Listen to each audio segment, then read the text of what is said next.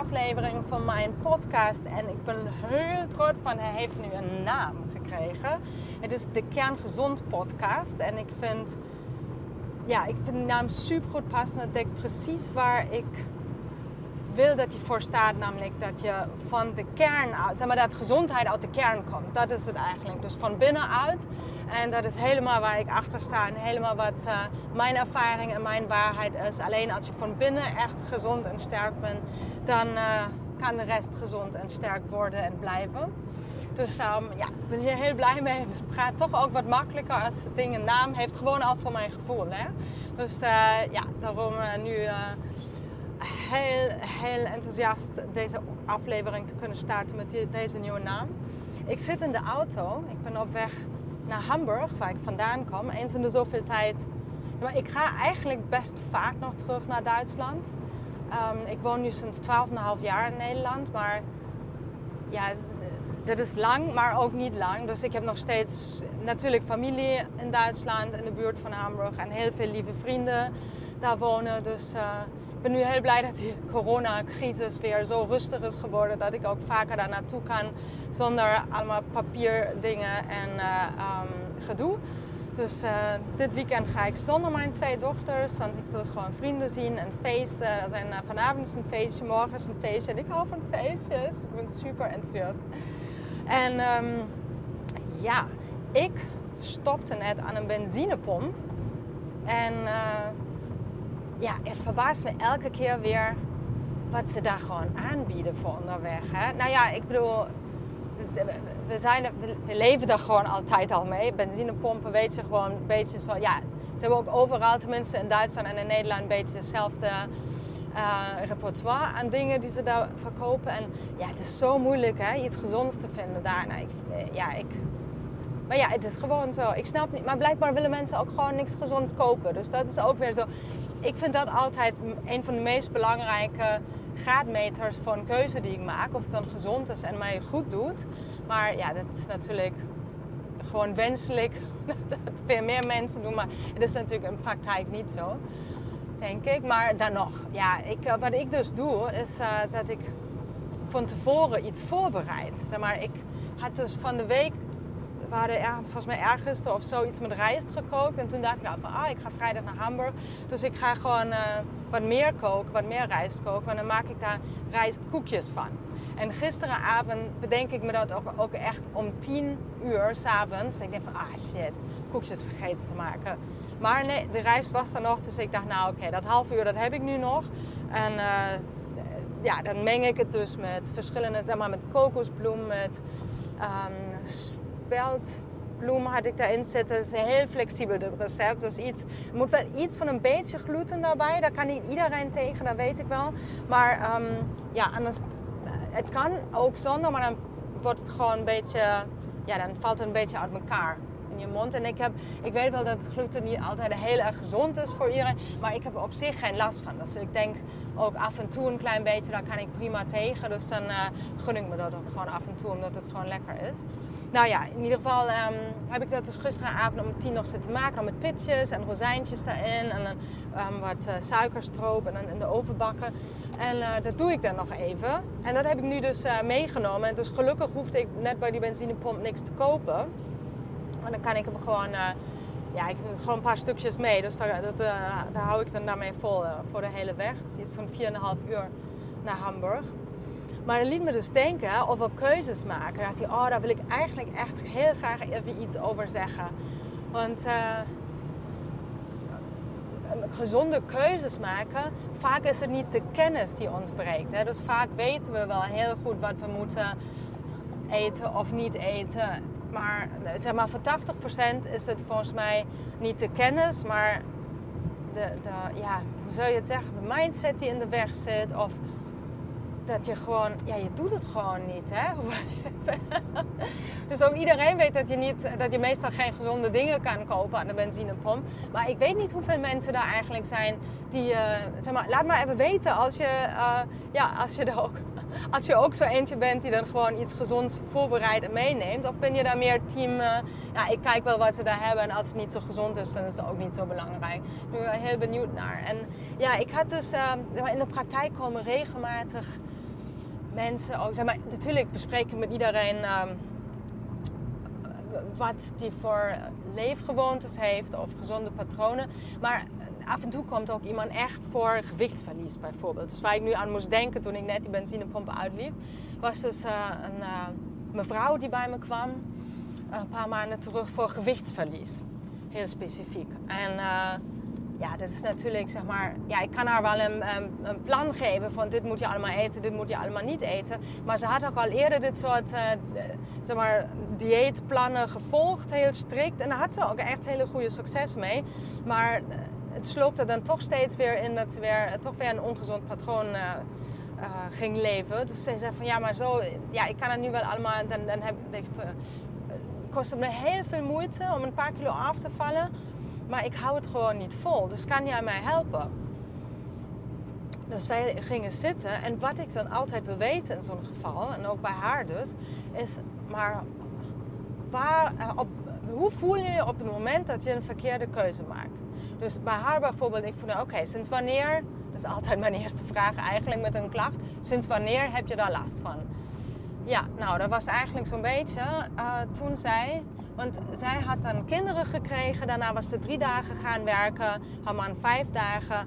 En zij ging dus alles met de kinderen doen, uh, oppakken, al dat geregelde omheen. Met crashes, met feestjes, met uh, sowieso brengen en halen en uh, later sport. Dus zij heeft eigenlijk veel meer thuis opgepakt. En haar man ging vooral vijf dagen werken. En iedereen was heel erg blij met, die, met deze indeling. En toen ging ze op een gegeven moment heeft ze een promotie gekregen, dus een hogere functie. Maar daar hoorde bij dat ze dus vier dagen moest gaan werken. En uiteindelijk zijn het er stiekem meer vijf dagen geworden die ze moest gaan werken. En dat vindt ze op zich nog helemaal niet erg. Maar die verdeling thuis bleef eigenlijk een beetje hetzelfde bleek. En dat had ze helemaal niet zo scherp. Maar ik ging dan vragen, op welk moment van de dag ga jij eigenlijk ongezond kiezen? Want we gingen dan, uh, liep de hele dag door. En uh, zeg maar, ontbijt ging prima. Dan ging ze twee broodjes meenemen voor de middag. Soms een salade. Dan ging ze tussendoor wandelen. Dan ging ze tussendoor nog een appeltje. Misschien een handje van noten. Dus allemaal dingen waar je eigenlijk denkt van ja, nou ja, dat, uh, dat klinkt best, best oké. Maar dan ging ze, nadat de kinderen op bed lagen, dan was haar moment dus voor haarzelf. En, uh, ze hield dan dus voor een, um, bepaalde kunstwerkjes maken aan de computer. Dus, en dan ging zij steeds met een, met een pakje koekjes achter de computer zit. Hoewel ze eigenlijk helemaal geen. Terwijl ze had eigenlijk genoeg gegeten die dag. En het was op dat moment ook niet zo dat het haar heel veel moeite of zo kost. Maar ze ging dan elke avond ging ze dan met dat pakje koekjes achter de uh, computer zitten. En soms nog meer koekjes of soms nog taartjes die ergens overgebleven waren. Dus dan ging ze eigenlijk gewoon zo'n beetje zonder rem uh, ja, snijden. En uh, zijn eigenlijk, ja, dat, dat was dus het moment waar zij die ongezonde keuze maakte. Dus ik zei maar, hoe voel je je dan eigenlijk op dat moment? En daar kon ze echt ook eerst niet helemaal de vinger op leggen. Pas toen we gingen kijken van wanneer begon dat eigenlijk? Ja, dat begon toen ze zoveel moest gaan werken. En toen zijn we dus dieper in gaan duiken van hoe voel je je dan en hoe voel je je eigenlijk in het avondritueel en de hele dag door. En toen bleek dus eigenlijk dat ze zich de hele tijd thuis eigenlijk voelde alsof ze alles in haar eentje moest draaien. En vond dat ze eigenlijk, ook al had ze het niet zo helder en scherp, veel te weinig steun kreeg van de mensen om haar heen. Dus van haar man en haar twee kinderen. Ze had er ook nooit om gevraagd, want ze had het niet scherp. Hè? Ze wist het gewoon niet. Dus er was ook helemaal niks van verwijt. Het was niet dat het agressie was, maar wat ze eigenlijk nodig had op dat moment, s'avonds, was gewoon een knuffel en iemand die zegt van, je hebt het echt heel goed gedaan. En uh, dat is vaak snoep of zoetigheid. Zoetigheid geeft ons het gevoel van uh, geborgenheid van binnen. Dus het is heel vaak met snoep dat je eigenlijk op dat moment even... Ja, snoep is eigenlijk een soort knuffel. Dus als je eigenlijk... In haar geval was het dus eigenlijk had ze dus veel meer een knuffel nodig. Of steun van, hey, je hebt het echt heel goed gedaan. Kunnen we je helpen? Kunnen we iets... Uh, weet je, dus ze voelde zich eigenlijk dus heel erg niet gezien. Passief dan. En... Um, toen we dat allemaal eruit hadden gepeld, in die hele, zeg na het consult, uh, na de intake voor die ze kwam, was ze eigenlijk, ze moest heel hard huilen dan op een gegeven moment toen die realisatie kwam van, oh, maar er is dus een heel groot stuk wat ik altijd zo heb weggestopt. En waar ik nooit naar heb gekeken, wat ik altijd zo van, oké, dat doe ik nou eenmaal.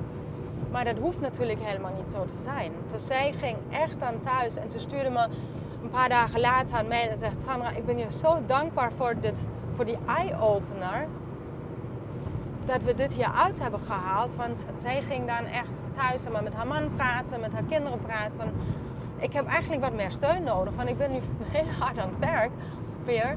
En ehm, ik wil graag dat we dingen even een beetje anders verdelen. Wat kunnen jullie overnemen? En haar, haar, gezin stond daar hartstikke open voor. Maar niemand zag het, omdat het gewoon zo natuurlijk was gegroeid. Dus dat was in haar geval. En, en zeg maar, daarna viel het ook, zeg maar, natuurlijk gaat het niet van de ene op de andere dag dat je dan gewoon al je patronen kan veranderen. Zo makkelijk. Dus we gingen daarna, dan, weet je, andere dingen. Want wat kan je in plaats van die koekjes eten? Wat kan je in plaats van die uh, Of uh, hoeveel moet je eigenlijk in huis hebben? Dus je moet dan nog natuurlijk dingen ook echt willen en actief aanpassen. Maar ik ben echt overtuigd dat uh, als je doorhebt wat eronder zit, onder dat zeg maar, gedrag waar je eigenlijk niet blij mee bent, dat je dan echt grote stappen kan zetten en dan echt bij de doorbraakpunten komt. En natuurlijk moet je blijven focussen, want uh, het gaat er niet altijd vanzelf. Het hangt ervan af wat het was wat eronder staat. Dus in haar geval hebben we wel haar boodschappenlijstje uh, nog een keer doorgekeken. Dat ze gewoon helemaal die koekjes niet in huis had. Ook dat helpt natuurlijk ook altijd. Is een drempelverhoging en zo. Maar door te hebben dat het eigenlijk een gevoel van geborgenheid is wat ze mist op het moment dat ze gaat eten. Dat is gewoon echt een uh, huge, huge inzicht geweest. En dat is bij iedereen anders. Waarom je dan eet. Of je eigenlijk bijvoorbeeld um, iets aan het doen bent waar je eigenlijk de energie helemaal niet voor hebt. Of als je eigenlijk gefrustreerd bent en daarom denkt, oh, ik heb dit nu wel verdiend. Dat het soort van eh, passieve agressie daaronder zit. Al dit soort dingen, dat, dat kan van alles zijn. Maar daar, daaronder te kijken, dat is de essentiële eerste stap. En als je dat kan en echt goed in kan voelen wat daaronder zit, ik denk dat het dan een heel stuk makkelijker gaat om je gedrag ja, te verbeteren. Dus bij mij is bijvoorbeeld, toen ik gisteravond die koekjes ging bakken, dacht ik van, maar ik heb het gewoon verdiend dat ik morgen in de auto zit en iets kan snacken. Want het is gewoon 4,5 uur rijden, dus het maakt het gewoon veel makkelijker als je daarbij een hapje kan eten. Ja, dat vind ik gewoon. Ik ben het niet zo gewend zulke lange stukken steeds weer te rijden. Dus voor mij kost het dan veel energie te focussen. Maar ik wil ook niet troep eten. Dus het was gewoon zelfliefde wat mij de koekjes gisteravond liet bakken. Ook al had ik ook, ik was ook klaar voor bed, zeg maar. Ik was al wel, uh, wel uh, moe, maar ik dacht nee, anders uh, ga je weer van die troep eten. Een appeltje vind ik daar net niet genoeg, dus ik had ook iets met een beetje meer body nodig. Dus uit zelfliefde doe ik dat en bereid ik dat voor. Maar dat was ook niet altijd zo. Dus dat, nu weet ik dat ik mezelf dat waard wil zijn, omdat ik mijn gezondheid zo belangrijk vind dat ik dat wil doen. Maar ja, dus ik ben heel benieuwd of dit met je resoneert en of je ook denkt van, ah shit, dan moet ik eigenlijk ook nog een beetje induiken en een beetje, ja, soul searching doen. Waarom heb ik eigenlijk slecht gedaan? En ik, ik zeg je echt, 80% is niet dat je niet weet wat je moet doen, maar dat je het gewoon wel weet, maar het gewoon niet kan doen. Nog niet kan doen. Dus daar valt zoveel te halen als je daaronder kijkt. En het is niet altijd aangenaam hoor. Dat is niet. Reflectie is niet altijd makkelijk.